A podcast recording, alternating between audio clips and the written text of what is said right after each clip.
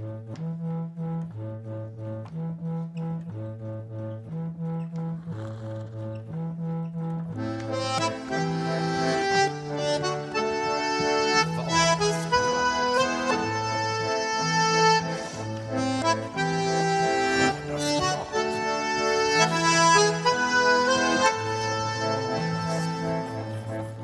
Anledning av att det just nu arrangeras Pride i Gävle så har ABF Agera och Socialdemokraterna i Gävle bjudit in riksdagsledamoten Daniel Andersson. Daniel är också förbundsordförande för HBT Socialdemokrater. Eh, jag hoppas bland annat att vi kommer in på hbtq-frågan, eh, hur den mår nationellt och internationellt. Välkommen till Vardagsprat, en del av ABF Agera, ABF Gästrikebygdens digitala scen för folkbildning och kultur. Jag heter Reine Lööf.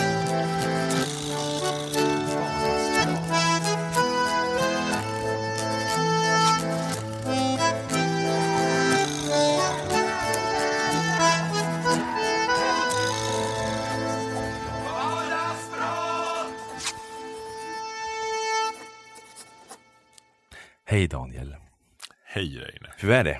Det är bra. Är det bra? Ja, jag har ju fått kommit hit och hälsa på er. Ja, precis. Du, det här med HBT Socialdemokrater. Börja där. Vad är det för någonting? Det är en sidoorganisation till Socialdemokraterna som har eh, primärt fokus att jobba med hbtq plus-frågor. Eh, att lyfta dem högre upp på agendan och eh, vitalisera frågorna i den politiska debatten mera. Okej. Okay. Alltså inom Socialdemokraterna eller också? Nej, både, ja, nej, bägge delar. Både ja. inom Socialdemokraterna och utåt sett. Vi jobbar ju både internationellt och nationellt med ja. våra frågor. Så vi har ju, våra frågor sprider sig ju ut i Europa till exempel, som ja, vi aktivt jobbar från förbundets sida. Men om vi börjar där då. Eh, hur tycker du den här frågan kring hbtq eh, mår i Sverige idag? Eh, idag, jag skulle säga att den, den mår bra, men vi har fortfarande mycket att göra. Men så är det med många frågor och det är väldigt lätt att säga så. Men vi har kommit väldigt långt eh, i, i Sverige när det kommer till hbtq plus-frågorna. Eh, men det är såklart vi har olika delar som vi behöver jobba mer med. Vi har familjefrågan, adoption, vi har blodgivarfrågan som vi behöver ta med på. Vi behöver jobba mera med transfrågorna till exempel. Vi har väldigt många frågor som har legat under en tid eh, som, som vi inte riktigt har fortsatt jobbat med. Mm. Eh, när det kommer till det internationella arbetet så finns det ju Eh, desto mer att göra. Vi har ju länder där man fortfarande jagar homosexuella utifrån att de har den sexuella läggningen. Eh, vi har länder eh, där redan vunna rättigheter dras tillbaka. Mm. Och det här gör ju att vårt engagemang ökar ju ännu mera. Men vi måste ju också komma ihåg att vi är ju en, en inte en jättestor organisation. Så vi kan ju bara göra det lilla, men ändå det är någonting att göra. Mm. Alltså, om jag tänker på hbtq-frågan idag så får jag en väldigt så här kluven bild. Eh, å ena sidan så håller jag med dig om att vi har tagit väldigt stora steg och det känns så. Men å andra sidan så känns det också att, att någonstans odlas det också tvärtom. Det blir liksom en, en motreaktion och ett hat som jag tycker växer igen på, på, på ett nytt sätt. Är det en bild som du känner igen? Eller? Både ja och nej. Jag tror att, eh, eller jag tror, jag, jag ser nog att eh, ju mer vi pratar om den här frågan, ju, ju mera accepterad kommer den bli mm. eh, ute i samhället. Vi mm. behöver också prata om den på ett sätt som gör att den eh, normaliseras. Alltså vi behöver prata om normkritik, få människor att förstå vad det handlar om. Mm. Eh, sen finns det ju också motsättningar inom communityt i sig som också gör det här svårare att jobba med. Men vi måste också respektera att de som är inom communityt och det finns de inom communityt som inte vill de, de, är nöjda med där de är. Mm. Eh, och det måste vi respektera. Mm. Så det finns, eh, det är en balansgång hur man jobbar med frågan. Men visst finns det motsättningar, in, både inom communityt men också ute, utifrån. Mm. Jag möter ju människor både inom communityn och utanför som eh, ja, men uttrycker någon slags rädsla att uttrycka sig i sådana här frågor och rädslor att, ja, men att närma sig den här communityn för att man är rädd att bli straffad för att man säger fel eller man är fel eller Eh, Eh, är det också någonting du känner igen i det? Oh ja, eh, påtagligt för mig själv också. Jag kom in i den här, eh, eh, jag, jag, är ny, ny förbundsordförande sedan bara ett och ett halvt år sedan. Eller år tillbaka. Och eh, jag har en väldigt eh, liten bakgrund i gay-community i sig. Eh, vilket gör att min nivå över, min kunskapsnivå inom de här frågorna var inte jättestor. Utan jag har fått lärt mig under resans gång. Men jag har också varit väldigt mottaglig för att lära mig också. Mm. Eh, men jag har också då lärt mig att det är väldigt, det är minerad mark de här, eller de här, man slänger sig med olika begrepp och liknande och man råkar säga fel i, i ett sammanhang så kan man få tillbaka det i ett annat sammanhang. Men det är ändå gott, det, det är en god vilja bakom mm. sitt engagemang när man pratar om det.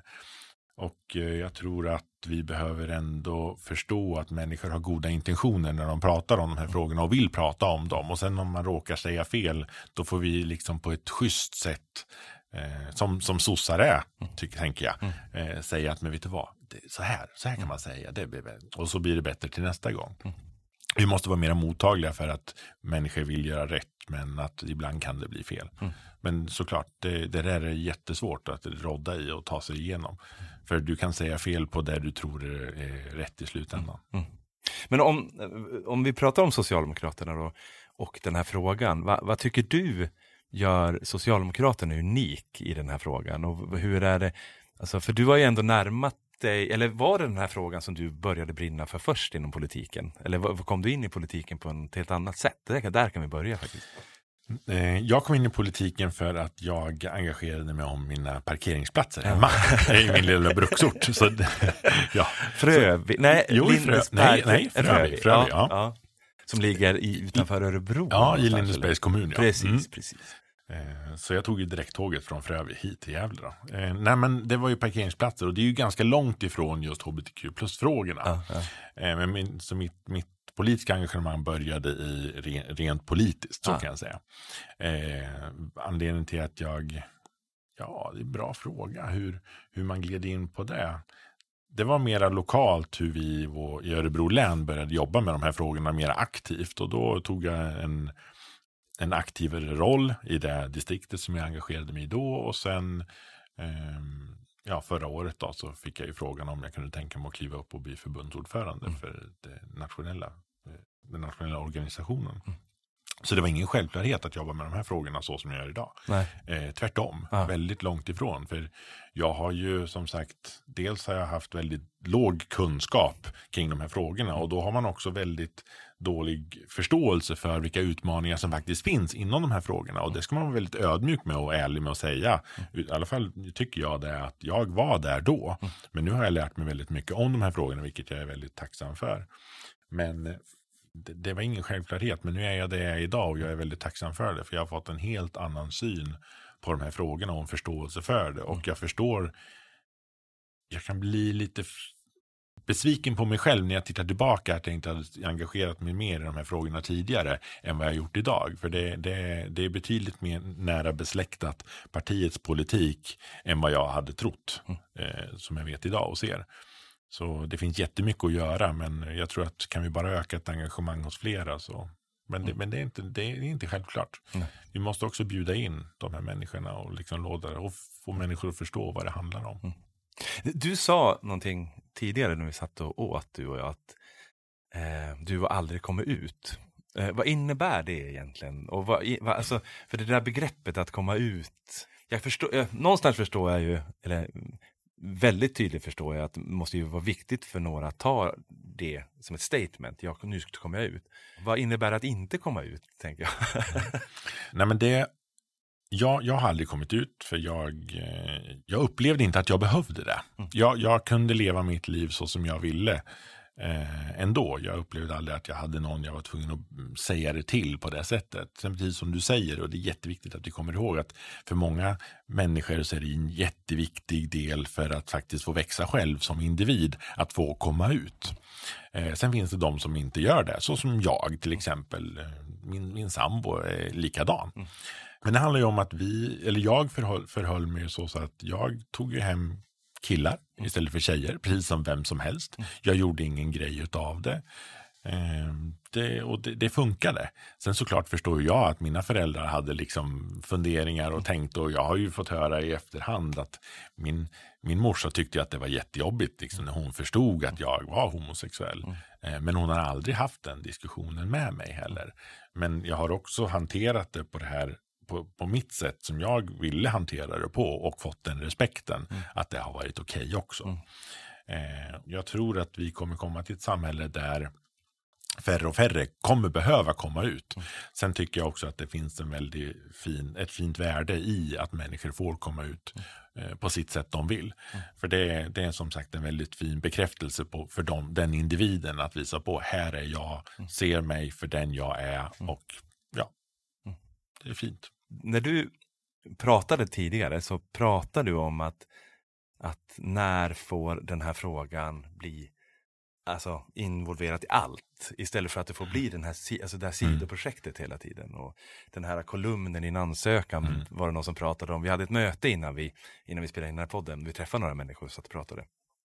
Eh, och, och då var det någon som pratade också om det här att ja, men i de här ansökningarna finns det alltid liksom den här kolumnen om och, alltså att man skulle, alltså att lyfta de här frågorna och så. Men hur nära är vi en ja, en utveckling i det här bara, alltså, för det är ju fantastiskt att höra tycker jag när du berättar om att, ja men, jag tog hem killar, det, alltså, sen får ni reagera mm. utifrån det. Men hur nära är vi ett sånt samhälle idag? Jag hade ju fördelen att jag hade väldigt goda vuxna förebilder ja. runt omkring mig. Och det, det, det är inte alls som har de, de förutsättningarna jag Nej. hade. Sen lät ju jag omvärlden förhålla sig till mig. Jag förhöll mig ju inte till omvärlden Nej. på det sättet. Eh, och det, det, är ju det är ju ganska intressant den där frågan som du ställer. För om jag tittar tillbaka på, eh, jag är ju 33 nu, mm. blir 34. Om jag tittar tillbaka 20, 15-20 år, eh, när jag liksom började liksom för mig själv veta att ja, men jag, jag attraheras av eh, killar. Mm. Så var det ju ett speciellt klimat i, i den här världen jämfört med det som det är nu jag ser ju betydligt flera yngre, både killar och tjejer, eh, som, som utmanar sin egen sexuella identitet på ett helt annat friare sätt än vad jag hade upplevt det gå att göra för 20 år sedan. Jag beskriver det lite som de före mig, de tidigare generationer som har gjort en liknande resa men tagit ännu större kamper också. Jag, jag, kan nu förstå vad de pratade om när de sa att, ja men vet du vad, det var inte så lätt när jag var yngre, men nu är det mycket bättre. Jag kan, nu, jag kan relatera till den, den historien och jag kan också förstärka den utifrån mitt. Sen tror jag att vi har en del resor kvar att göra, för vi har eh, både organisationer, institutioner, myndigheter som har ett väldigt speciellt sätt att förhålla sig till de här frågorna. Det är väldigt lätt att prata om att man står på hbtq plus människors eh, sida och står upp för de rättigheterna. Men sen när det väl kommer till kritan och den faktiska verksamheten, mm. då följer man oftast en mall och förhåller sig till de här grupperna som en, en homogen grupp. Mm. mm. Just det. Ja, precis. Eh, och det, det, det är en ganska kan man, kan, man, kan man förstå att det är så det förhåller sig så blir det mycket enklare att jobba med frågan. Mm. Om vi ärligt tittar på frågan och säger att ja, men det finns utmaningar, okej. Okay. Och så tittar vi på, men vad är det vi behöver förändra? Men vad är det vi behöver göra? Om inte Migrationsverket klarar av att förhålla sig bra till de här frågorna utifrån hur de gör sina bedömningar och liknande, ja men då har vi ett arbete att göra. Ehm, det, det, vi, jag, jag, vill relatera till en debattartikel som vi skrev här för ett litet tag sedan som handlade om just eh, migra, migranter som kom hit eh, med flyktingstatuset, att de var eh, hbtq plus-personer läs gärna den för det är jätteintressant. Mm. Vi går inte i polemik med partiet eller liknande så, utan vi lyfter de här utmaningarna som finns i bedömningarna, i kriterierna och liknande. Och det är ett synsätt om vi har myndigheter som tittar på människor på det här sättet, ja men då, då, då är ju det sättet som vi som svenskar, vi som, som land ser på de här frågorna.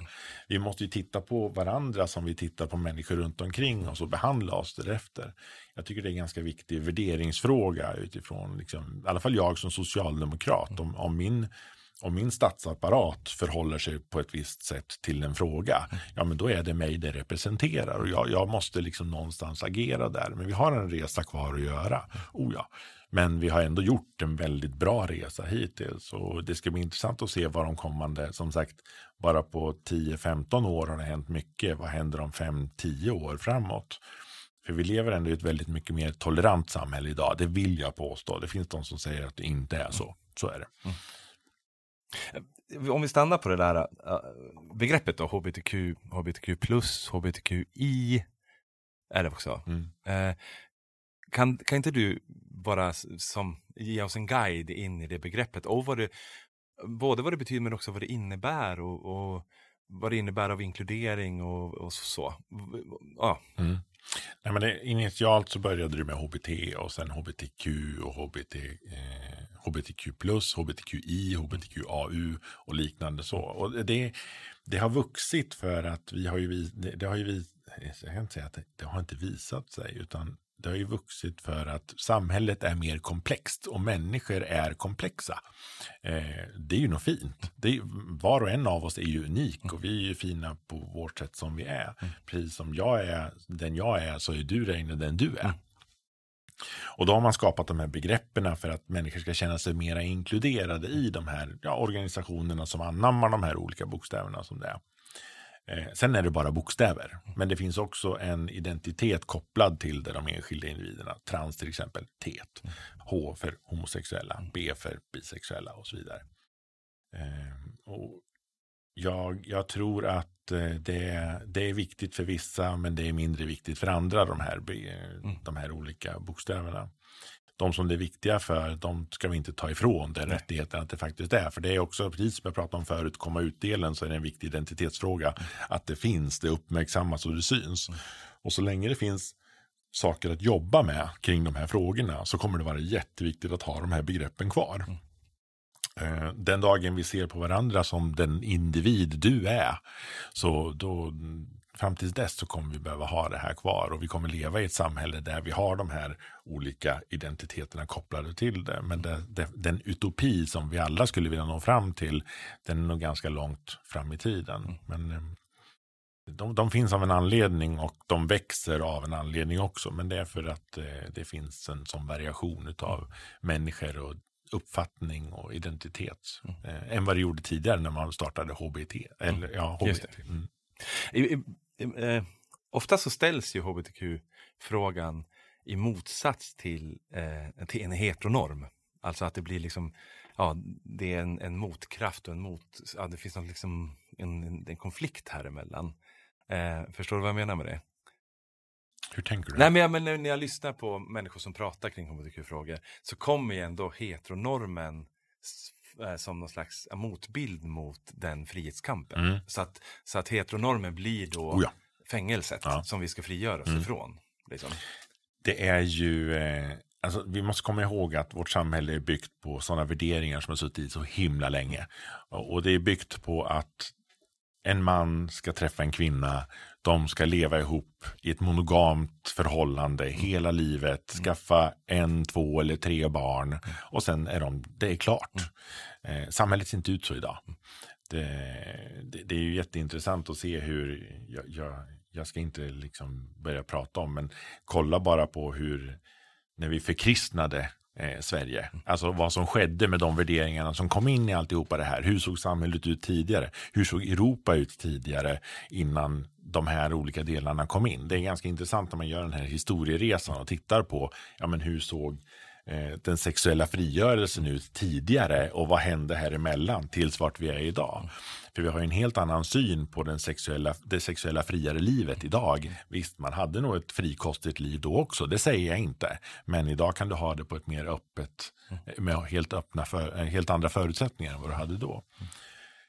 Men såklart att de här två grupperna ställs emot varandra. För det heteronormativa, det är ju det som styr samhället. Mm. Det är ju det som vi har byggt hela det här samhället vi har idag på. Och där det kommer någonting som är annorlunda eller avvikande i det, det fallet, det, då, då, då uppfattas det med höjda ögonbryn och man undrar att, vad ska det här bli? Mm.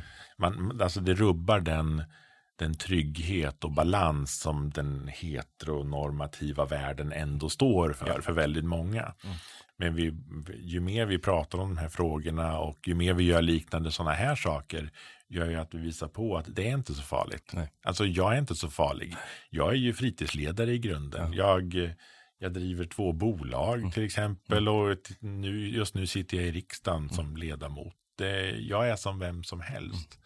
Mm. Eh, vilket gör att ja, vi, vi, finns ju överallt. Mm. Vi är undersköterskor, vi är piloter. Mm. Jag, jag, ska bara testa en tanke på dig. Jag kom på det nu. Alltså att, är det så att vi liksom eh, miss, alltså att till exempel den som lever i ett heteronormativt relation till exempel, eh, att den tar åt sig utifrån att, att kritiken handlar om personen som lever så istället för att det handlar om ett system. Eller att mannen då, eh, män som blir så arga och, och, och provocerad av den feministiska kampen har också missförstått att det, alltså, att det handlar inte om en, en pil mot dig, det handlar om en pil mot ett system. Liksom. Alltså, vad jag menar? Mm. Att, att det blir så tydligt tycker jag när man sitter ibland i diskussioner kring de här frågorna, att det blir så väldigt personligt, att det blir så väldigt känslomässigt. Vadå, ska inte jag få, ska inte jag få vara hetero eller? Alltså, vad, eller vad är det du menar? Mm. Istället för att, nej men det handlar om system, det handlar om vilka som har makt. Och det handlar ju inte om att du har gjort fel. Nej, det, det, det handlar ju om att systemet är så pass skruvat så ja. att vi behöver, det, ja, nej men det, och det tror, jag tror att det mycket ligger i det. Och det gör att man per automatik känner sig, men gud, har jag gjort fel? Ja. Jag tror inte det handlar om att man blir upprörd, jag tror att man handlar nej. om att man blir lite, man känner att alltså, jag har inte gjort fel med flit. Eh, och jag, är, jag har ändå fått lära mig det här, har jag lärt, fått lära mig fel?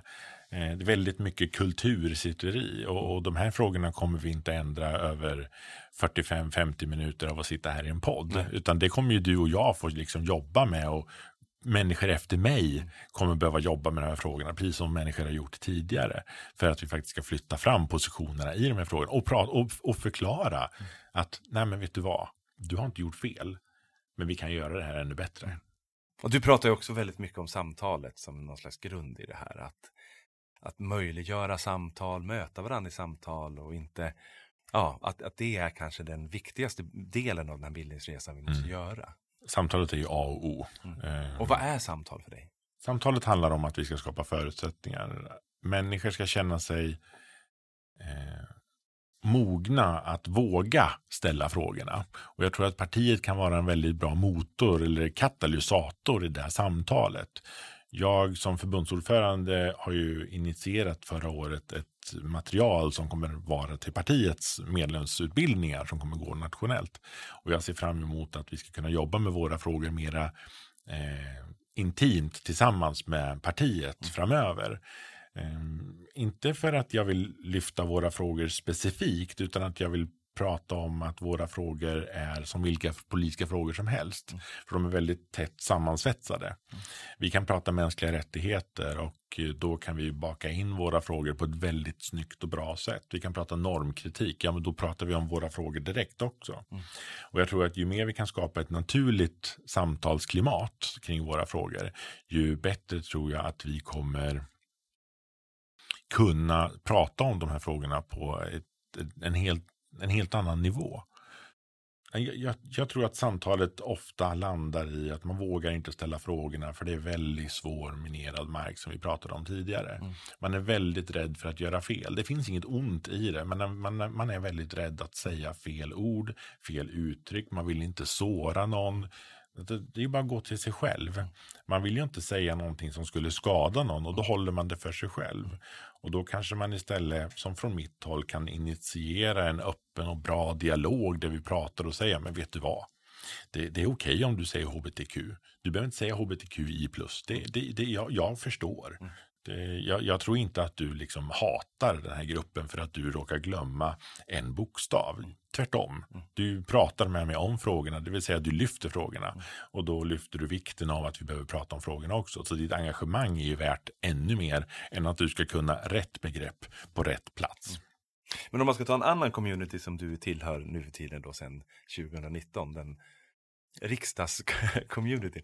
Alltså, eh, om jag tittar på riksdagen utifrån så tycker jag att det är en gestaltning av ett icke-samtal ibland. Att, liksom att, det, att, det, att det är en hård ton och att det är, alltså säger du fel så blir du straffad, man hittar strategier för att vinna över den andra. Alltså det är vad, vad som gestaltas utifrån, alltså när man ser den här världen utifrån. Och ibland så kan jag tänka att, att vi påverkas nog rätt bra av alltså hur vi själv fungerar här, här när vi samtalar, när vi tittar på det. Alltså att det är det som är politik. Alltså det är inte det här samtalet som där vi, vi gör en resa ihop och så kanske vi kommer fram till en tredje sanning ihop och så, och så växer någonting sådär. är den, den saken som gestaltas utifrån, som jag upplever, är det det du upplever där inne också? Eller är, finns det här samtalet levande i, i riksdagen? Och inte bara i partigruppen, tänker jag, utan också liksom... Mm. Om vi kommer till våra specifika frågor så finns det ju en, det, det finns eh, ledamöter som är mer intresserade av de här frågorna än andra. Så är det. Eh, sen, sen, sen, tycker jag nog din beskrivning är nog ganska rätt så. Min, min ärliga bild är nog att eh, det, det, det politiska hantverket sker bakom. Så är det och så är det alltid. Det som man ser när man ser i tv och liknande, det får man ju också komma ihåg att det är ju en bild i stunden. Det är ju inte hela perspektivet över det arbete som har lagt ner bakom, det arbete som sker samtidigt och det som kommer hända efter. Utan det är ju någon som företräder frågan och pratar om den eller debatterar om den såklart. Så frågan är så mycket större i alla lägen. Mm. Men visst finns det ett engagemang i riksdags, eh, eller bland ledamöterna mm. oavsett partigrupp. Det gör det. Mm. Oh. Mm. Ehm, sen i vår partigrupp är den väldigt stor och det, det, finns ett väldigt bra engagemang. Och jag är väldigt stolt över att vi har så många som stöttar upp våra frågor i vår riksdagsgrupp som vi ändå har. Mm. Vi är ändå socialdemokrater. Mm. Vad heter det, jag brukar ju fråga de som är med i den här podden om, om det är någon bildningsresa som har varit viktig eller är viktig. Eh, och om du får den frågan, vilken bildningsresa i ditt liv landar du i? det, jag, jag, jag är själv handledare i bildning, alltså för partiets eh, utbildningar. Men jag har ju inte alltid varit det såklart, utan även jag började ju någonstans eh, som, en, som en medlem och ett engagemang. Eh, och jag, jag kommer så väl ihåg min första medlemsutbildning jag gick på. Eh, där jag, jag fick diskutera och debattera och eh, prata politik på, på den nivån. Eh, men jag ska erkänna att den största resan jag har gjort när det kommer till utbildning var när jag gick partiets ledarskapsutbildning steg 3. Eh, när jag eh, jag tyckte det var så himla jobbigt. För det var, det var svårt. Jag kände att jag inte var tillräcklig. Jag höll inte måttet. Jag eh, skulle inte klara av det och jag skulle ge upp. Eh, det är ganska hårda och ärliga ord. Eh, men eh, efter, nog, efter lite samtal med en väldigt nära vän så fick jag förstå att det var ju min upplevelse. Mm. Det var ju jag som kände så och att eh, det var ganska nyttigt att känna det och våga erkänna det för sig själv. För då kunde jag ju utgå från den känslan och, och vetskapen om att här, här brister ju jag. Mm och sen ta nästa kliv och utveckla det istället. Så det har ju gett mig, jag, jag gick klart den utbildningen. Det var ju fantastiskt. Mm. Jag älskar, jag ångrar ingenting. Men just då så var jag beredd att ge upp allting. Mm. Eh, jag, jag, kände att jag håller inte måttet för det här partiet. De, de vill ha mig till så mycket mer, men jag kommer inte klara av det. Mm. Men jag har istället utvecklats med och tagit det steg. Men det krävdes också att jag bröts ner och sen byggde jag upp mig själv. Men det var för att man hade en, en person runt sig som ändå kunde bolla tanken till mm. mig och förklara att det är inte fel att säga till sig själv att det här är svårt. Mm. Utan det är bara bra. Mm. Mm. Det är nog många som ger sig upp precis vid det ögonblicket mm. då när Ja. Jag tror att det är, väldigt, det är, väldigt, lätt. Du är så skör i det sammanhanget då när det där väl sker. Mm. Att det lätta är bara att ge upp. Det är bara att sluta och du behöver inte hantera det då. Men eh, det, var, det gav ju desto mer resultat när man faktiskt jag gav ett jävla namma och liksom körde på. Mm. Så det, ja, mm. det har gett mig någonting. Men det var Men, svårt. För du har ju också gjort en rätt här, snabb resa på något sätt, eller hur? Uh, ja, oh ja. Det har gått fort. Ja, och du, du är ju från en bruksort. Alltså jag har ju brottats med, med mycket. Jag har fått otroligt mycket av den här orten och min, mina föräldrar och sådär. Men sen finns det andra saker när det gäller eh, ja, andra former av bildning och sådär som jag alltid har känt mig fattig ifrån. Och varit livrädd för att någon ska upptäcka att jag saknar. Alltså jag hade inga böcker hemma eller de sakerna. Eh, kan du också, alltså, eh, ja, du, när du har gjort den här snabba resan och helt plötsligt står där, du sitter ju faktiskt i verkställande utskottet, mm. det, det mest mytiska man ja. kan sitta, eller?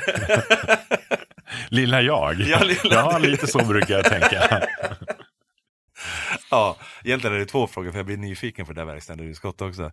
Eh, för du, eh, vi börjar där då. Mm. Ni får ju fakt eller du får ju faktiskt reda på det mesta. Jag sa att du får reda på mer än, men du sa nej, men jag får reda på saker först. Mm. Alltså hur känns det att sitta där? För det är väl någon slags, ja det är väl ett centrum av en makt. Så är det. Eller hur? Det är ju partiets eh, maktcentra, så kan man säga. Ja. Det, det, det, mycket utgår från det. Mm. Ehm, och såklart, man får ju reda på den, den man får reda på informationen i första hand, så mm. är det. Ehm, men det är också en väldigt, den, den, mytiska bilden uppstår ju för att ingenting lämnar verkställande utskottet. Nej, Informationen lämnar inte förrän det passerar partistyrelsen och sen ja. blir det en eh, sorts allmän handling kan man nästan säga. Mm. Men det gör också att det, det arbetssätt som jag faktiskt vill ge Stefan beröm för och de som är ledamöter i det, det är att man jobbar på ett väldigt intimt och tajt sätt. Mm. Och man förlitar sig på att det här faktiskt ska funka. Mm. Vi, vi måste ju också respektera att en sån här organisation som vi ändå är, Socialdemokraterna, vi, vi, behöver ju ha de här plattformarna och kunna diskutera öppet och ärligt för att vi är ju ett statsbärande parti. Och i, i det i verkställande utskottet, där måste ju vi kunna prata på ett sånt sätt som gör att vi kan lita på varandra. Och då får ingenting lämna det rummet. Och jag tycker det är, det är en det är en väldigt skön känsla. Att Den överenskommelsen. Den, ja, ja, oh ja. Jag känner igen det från en repsal till exempel mm. i teater. Där var det mm. också en slags överenskommelse mm. om att det vi pratar om här. Mm. Jag kan tänka mig att det finns andra sådana rum. Och det blir väldigt starkt ju. Men ni står ju där med helt andra mm. digniteter av frågor. Oh ja, oh ja. precis. Det är lite sådana frågor, vara eller icke vara frågor. Ja. ja. men det kan vara högt och lågt. Så är det. Ja. Uh, och det gör också att debatterna kan vara både höga och låga. Men mm. det är också, vi, vi, jag, jag, jag tycker att vi har det, det, är riktigt bra diskussioner och de mm. leds på ett riktigt bra sätt. Jag, mm. jag tycker att klimatet är fantastiskt bra. Jag, jag, jag, jag imponeras över det. Och jag hade ju själv inte den bilden över det här mytiska delen som VU var och partistyrelsen och de här sakerna. Jag, jag kommer ju själv inte från jag kommer från en liten S-förening hemma i Frövi. Arbetarkommun i Lindesberg. Det, det är inte, det, det, är ganska långt ifrån de här, den här världen som jag är i nu. Jag är fortfarande ersättare i min S-förening vill jag poängtera. Mm. Och det, det är ett väldigt, väldigt engagemang i min S-förening. Finns det inte, det här är en liten havkrok, men finns det inte, om det var EU eller någon som hade gjort en utredning och så hade de gjort en karta. Och just där du bor någonstans runt där så stod det ännu inte avvecklat eller någonting. Alltså att det var någon slags någon, någon landsände som, som Alltså jag, jag, har kompisar där som hittar de här kartorna mm. och fick en känsla av att men shit, är vi planerade att försvinna? Ja, ja har du. Nej, jag, har inte, jag har inte märkt något. ja, Ibland kan jag väl känna mig lite avvecklad, ja, ja. mer eller mindre. Det beror ja. helt håller på vilket humör man är på den dagen. Nej, men det har jag inte märkt. Nej, det var bara avstickare, men jag mm. tyckte det var så intressant att, mm. att vara, bo på en plats som ännu inte är avvecklad. Mm. Liksom. Nej, ja, det var intressant. Mm. Eller hur? Jag ska kolla upp min eh, KSO när jag kommer hem och frågar hur det går. Men, men, men tillbaka till den, den eh, andra frågan då. Eh, alltså du kommer från, var får du din trygghet ifrån när du när du sitter där i VU eller när du, ja, i din bildningsresa, vad kan du se? Jag, eh, jag har, jag har aldrig lyckats med någonting. Jag, jag vill, jag, när jag gick i skolan så gick jag så här, i, då, då kallades OBS-klass. Typ.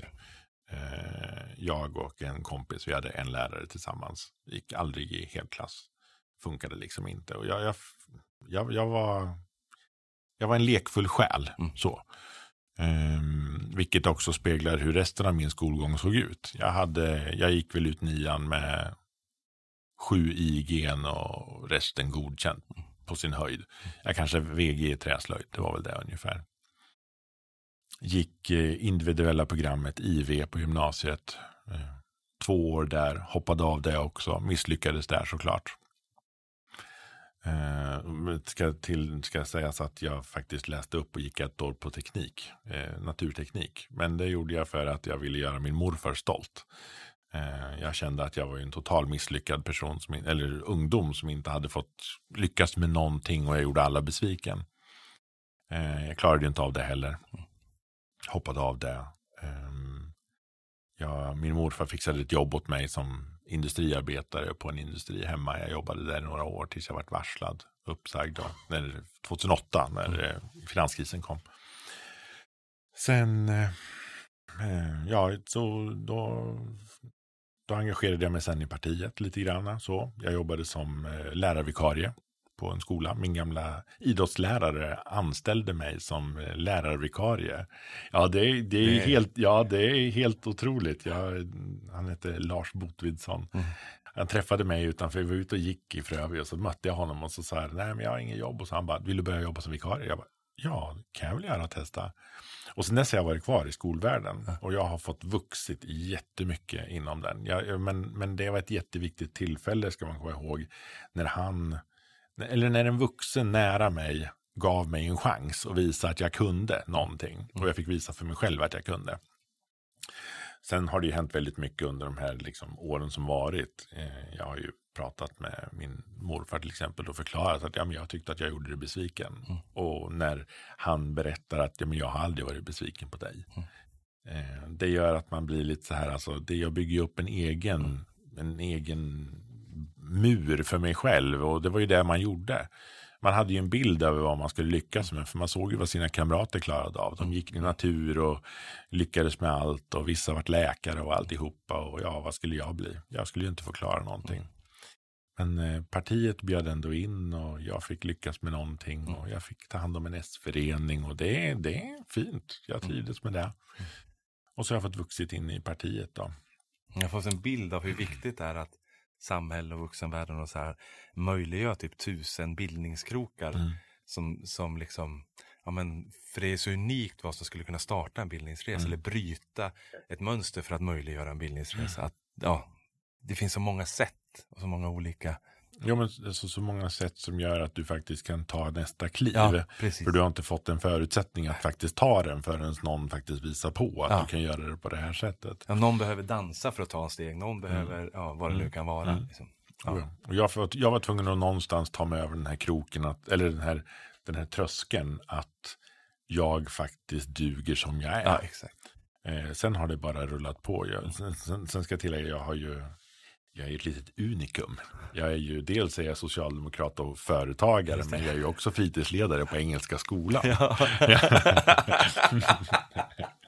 men där hade jag, och där, jag har faktiskt varit anställd där i, i sju år. Ja. Och där hade jag en eh, chef, min rektor där. Mm. Eh, han, eh, han var den som gjorde att jag fick växa som mest. Mm. Eh, jag jobbade där, eh, jag har jobbat där, men så slutade han för några år sedan. Men innan han slutade så frågade jag honom, för jag fick aldrig gå på ett eh, medarbetarsamtal. Och jag tänkte, att varför får jag inte göra det? Det fattar inte. Men det är väl som det, det Men till slut så var jag tvungen att fråga honom, varför, får jag, liksom, varför har vi inget medarbetarsamtal du och jag? Mm. Eh, då förklarade han att man ska aldrig laga det som inte är trasigt. Nej. Nej. Mm. Och då, då, då förklarade han att ja, men alltså, du har fått vuxit och tagit ansvar eh, utifrån att jag har gett dig ansvar. Mm. Mm. Sen har du förvaltat det på ett väldigt snyggt och bra sätt. Mm. Och du har vuxit i det, jag har sett dig växa upp i det. Det funkar ju bra som helst. Mm. Och inte bara jag själv har tagit till mig av det, utan jag kan också ta till mig den sortens ledarskap. Mm hur, hur jag vill att människor ska få möjligheten att växa. Inte att jag ska säga åt dem att du ska göra så här för att växa, utan jag ska bara skapa förutsättningar. Och sen om individen är där då, så kommer den kanske ta den kroken och ta nästa kliv. Så det, man kan göra förutsättningarna på olika sätt, men det, det, jag tyckte det var, en väldigt, det var ett väldigt fint sätt som fick mig att verkligen resa på mig och gå liksom stark. Nu är det så här att du har ju ett tåg som, som kommer att gå eh, snart. Mm. Eh, så att jag skulle ju vilja prata mer, men jag har två grejer som jag skulle vilja veta. Det ena är att vi, vi står ju, vi är i en väldigt speciell situation just nu. Eh, vårt samhälle, vår värld. Hälften jag möter tror att det här är starten på, eller alltså en, en möjliggörare till ett, ett mycket bättre och humanare samhälle.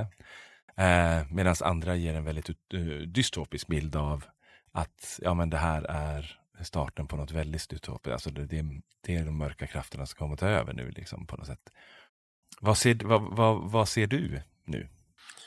Jag ser, eh, jag ser möjligheterna i att vi kan skapa ett, ett annat samhälle efter det här. Vi måste tänka på att vi har gått igenom de här sakerna och så måste vi tänka på vad vi har för förutsättningar att faktiskt skapa ett bättre samhälle. Mm. Visst kommer mycket vara annorlunda, det kommer vi inte komma ifrån. Vi måste veta att resandet kommer aldrig vara som det var. Mm. Eh, den där utlandssemestern som många uppskattar, den kanske kommer utebli i större utsträckning än vad den gjort tidigare. Eh, men vi kommer också uppskatta de saker vi har hemma. Jag tror att väldigt många har uppskattat Sverige på ett helt annat sätt än vad man gjorde tidigare. Hemester var det ju många mm. som kallade det. Det har slagit dem totalt. Ja, verkligen. Mm. Helt, helt. Och jättekul. Ja. Jag, jag tror att det är en nyttig del. Jag, jag tror också att jag är ganska övertygad om att Eh, människor har nu fått landa lite mera genom att vara hemma på ett helt annat sätt. Mm. Man kommer se på sin, dels sin arbetssituation och sitt arbetsliv på ett helt annat sätt än vad man gjorde tidigare. Mm. Man har fått tid för sig själv, man har fått tid för att hitta varandra igen tror jag. Eh, man har fått tid för familjen och värdesätter nog den ganska högt. Jag säger inte att alla gör det, men jag tror att många kommer göra det. Mm. Och jag tror att man kommer titta på hur mycket man jobbar mm. efter det här för att gå upp på en heltid och gå till sitt kontor eller det man gjorde tidigare. Mm. Jag tror att de som har förutsättningar att kunna lägga om lite i sitt livspussel tror jag kommer göra det. Mm. För man har, sett en helt, en, eh, man har sett värdet i att kunna göra annat med sitt liv än att gå till sitt 7 4 jobb. Mm. Eh, och det, det, det är arbetet som i centrum borta? Ja. Eller, eller, en bild, alltså att det har ju varit så naturligt centrum mm. i, i vårt samhälle, att arbete ska stå i centrum. Mm. Och det öppnar också upp alla dörrar till hela mm. livet. Mm. Liksom.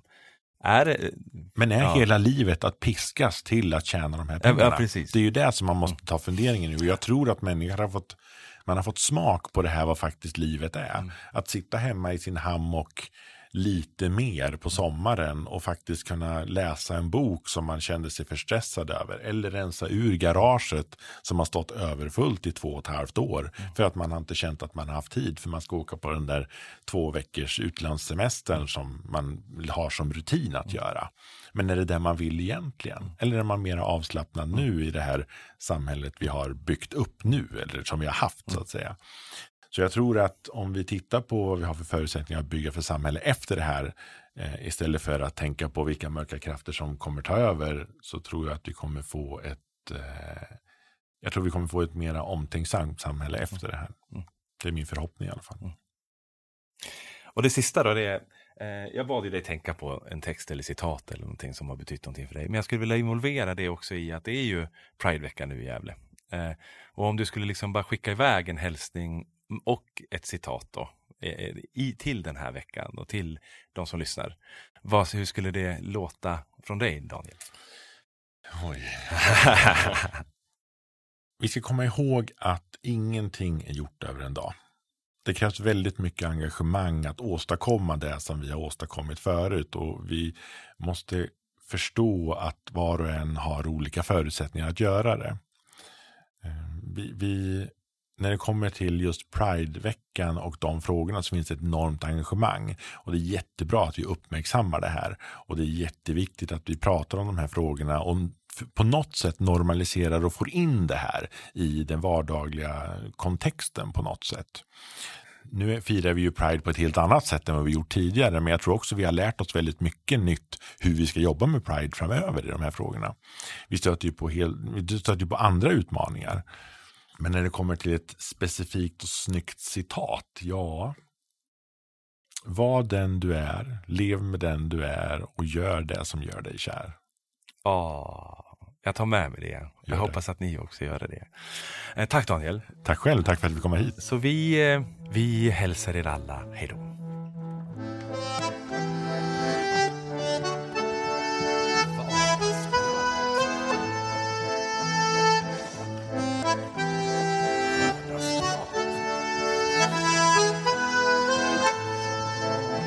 Du har lyssnat på en podd från ABF Agera, en del av ABF Gästrikebygden. Vill du höra mer av oss eh, kan du gå in på abf.se och klicka dig fram till ABF Gästrikebygden. Ansvarig utgivare är Torgny Jakobsson.